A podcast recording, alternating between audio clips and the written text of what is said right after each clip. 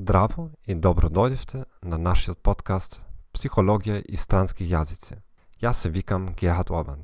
Јас сум психолог, автор на книги и наставник по германски јазик. Јас не сум експерт за македонски јазик. Се разбира, веќе го разбравте ова. Бидете трпеливи со мене, но ветувам дека ќе се подобрам со секоја нова епизода. Ако го откривте овој подкаст само сега, Најпрво, проверете ги најновите епизоди. Квалитетот ќе биде многу подобар отколку во првите. Темата за денешната епизода е ова. Илузијата на Ебенхаус. Се надевам дека не ја пропуштивте нашата последна епизода, колку обсесијата е добра во вашиот процес на учење на јазик. Сите епизоди на подкаст можете да ги најдете во нашата архива.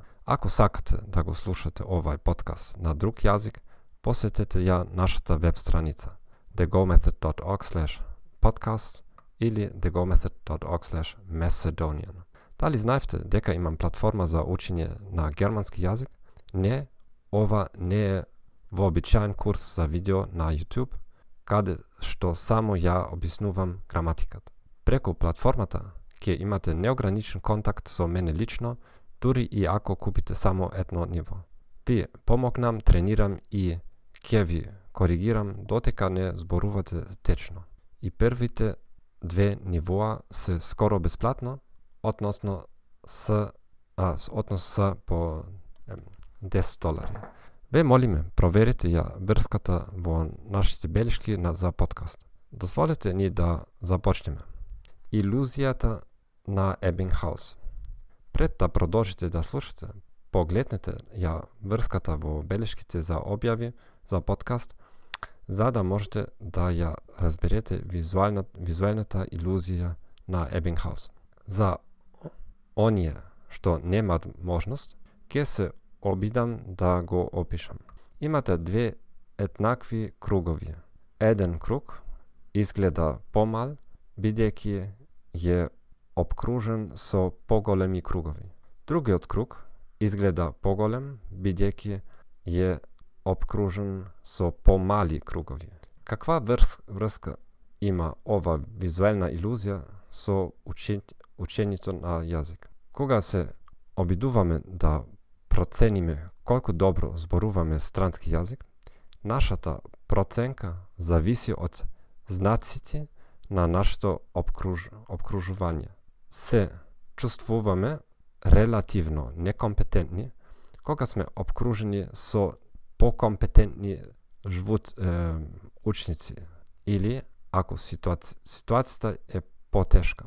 Се чувствуваме релативно компетентно кога сме обкружени со по некомпетентни учници или ако ситуацијата е полесна.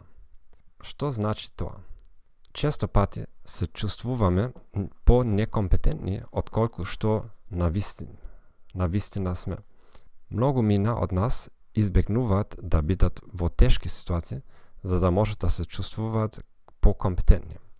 Ова објаснува зошто многу студенти на јазик избегнуваат да гледат ток-шоу и предпочитаат, предпочитаат да гледат специјални материјали за учениците по јазик. Easy German, например.